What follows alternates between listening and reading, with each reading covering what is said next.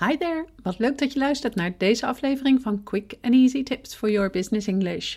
Vandaag heb ik voor jou Improve Your Basics, de 12 Rules of Grammar, deel 2.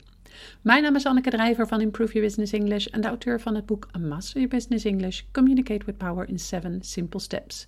Wij helpen jou als ondernemer of senior business professional van je middelbare school Engels af, zodat je ook internationaal met impact en vol zelfvertrouwen in het Engels kunt communiceren, maar bovenal volledig jezelf kunt zijn.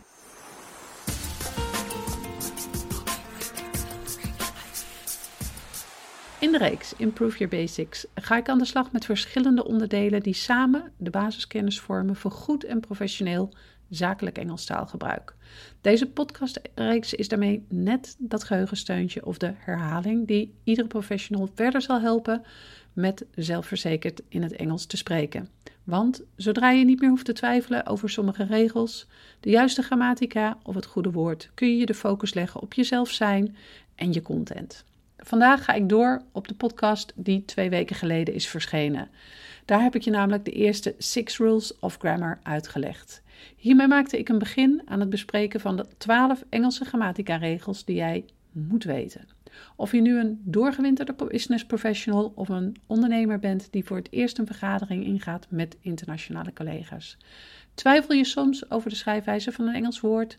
Welk voorzetsel moet je gebruiken? Of wat de correcte Engelse zinstructuur is, dan is dit lijstje perfect voor jou.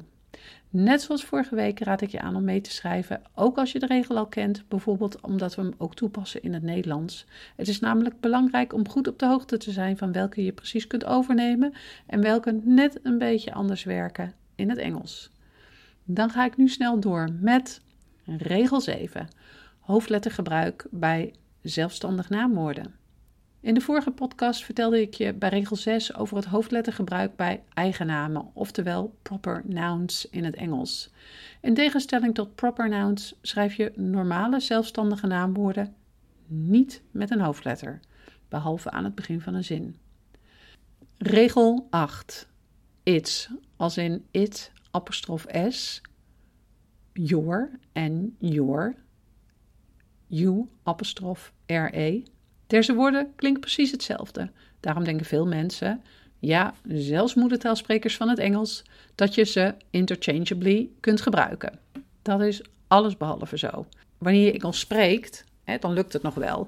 Maar wanneer je een Engels verslag schrijft, notulen maakt of een e-mail schrijft, is het echt van belang dat je de juiste vorm gebruikt. Het verschil is als volgt: It's aan elkaar is een bezittelijk voornaamwoord en wordt gebruikt om te zeggen dat iets ergens bij hoort. Bijvoorbeeld, the deadline has passed its date. Dan schrijf je ITS aan elkaar. It, apostrof S, it, is een afkorting van it is en betekent vertaald het is. Je gebruikt het bijvoorbeeld in een zin als I love the weather today. It's so sunny. En dan schrijf je it's so sunny met it, apostrof S. Your is ook een bezittelijk voornaamwoord en wordt gebruikt om te zeggen dat iets van iemand is. Bijvoorbeeld, this is your bag. Y-O-U-R. Isn't it? You, apostrof R-E, your, is een afkorting van you are en betekent vertaald jij bent. Je gebruikt het bijvoorbeeld in een zin als The meeting started at 9 a.m. Your, dus you, apostrof too late. Regel 9. Onbepaalde en bepaalde lidwoorden. De onbepaalde lidwoorden in het Engels zijn e en n. Het bepaalde lidwoord in het Engels is the. Onbepaalde lidwoorden gebruik je voornamelijk voor telbare zelfstandige naamwoorden, zoals bijvoorbeeld in de zin There's a pen lying around here. Whose is it? Bepaalde lidwoorden gebruik je voornamelijk voor ontelbare, niet telbare zelfstandige naamwoorden, zoals bijvoorbeeld in de zin There's a leak in the ceiling. The water is everywhere. Regel 10. Het verschil tussen e en n. De Engelse onbepaalde lidwoorden e en n kun je niet zomaar overal gebruiken. Het hangt namelijk van het woord waarmee je het koppelt af. Of je e of n gebruikt. Wanneer je het lidwoord wilt koppelen met een woord dat begint met een medeklinkerklank, dan gebruik je e, zoals a meeting. Wanneer je het lidwoord wilt koppelen met een woord dat begint met een klinkerklank, het gaat dus om de klank, dan gebruik je n, zoals an apple. Hierbij zeg ik heel expliciet medeklinker klank en klinker klank, want daar zit het addertje onder het gras. Veel mensen denken namelijk dat een woord als university gekoppeld moet worden aan het onbepaalde lidwoord n, omdat university begint met de letter u.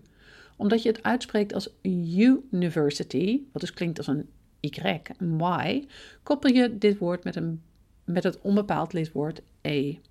Hetzelfde geldt voor woorden die geschreven worden met een medeklinker aan het begin, maar klinken als een klinker, zoals bijvoorbeeld het woordje hour, wat in het Engels dus gekoppeld wordt aan het onbepaalde lidwoord an, an hour. Wil je nog meer lezen over de Engelse lidwoorden? Lees dan eens onze blog Engelse lidwoorden, the, e en an. De link naar dit artikel vind je in het bericht van de podcast op de website. Regel 11. Apostrofgebruik om bezit aan te tonen. In het Engels geef je bezit aan door het gebruik van een apostrof s of alleen een apostrof. Welke van de twee je gebruikt hangt af of het enkelvoud of meervoud is. Bij enkelvoud gebruik je apostrof s, bijvoorbeeld the girl's car. Dan schrijf je als girl apostrof s. Bij meervoud gebruik je alleen een apostrof, bijvoorbeeld the girl's car. En dan is het girls aan elkaar geschreven en daarna de apostrof.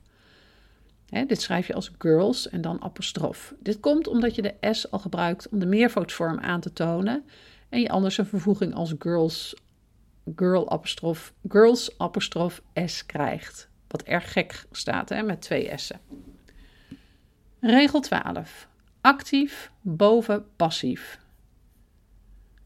Gebruik in het Engels liever actieve zinnen dan passieve zinnen. Gemakkelijk uitgelegd is een actieve zin een zin waarmee het onderwerp een bepaalde actie onderneemt, wat dus het werkwoord is. Hierbij wordt het onderwerp als eerst weergegeven en vervolgens het werkwoord. Zoals bijvoorbeeld in de zin Mark presents a new proposal. Een passieve zin weergeeft juist eerst het werkwoord en vervolgens pas het onderwerp. Hierbij ligt de nadruk dus op de actie die ondernomen wordt en niet op de persoon die de actie onderneemt. Zoals bijvoorbeeld in de zin: A new proposal was presented by Mark. Heb jij de 12 Rules of Grammar onder de knie na het luisteren van deze podcast en de podcast van vorige week? Test je kennis in het testje dat volgende week in de blog op de website verschijnt. Als je deze aflevering hebt geluisterd, zou ik het enorm op prijs stellen als je een review voor ons zou willen schrijven op SoundCloud of iTunes of een beoordeling voor ons zou willen achterlaten op YouTube. Een reactie van jou helpt anderen om onze podcast te kunnen vinden en daarmee hun Engels te verbeteren. See you next time met quick and easy tips for your business English.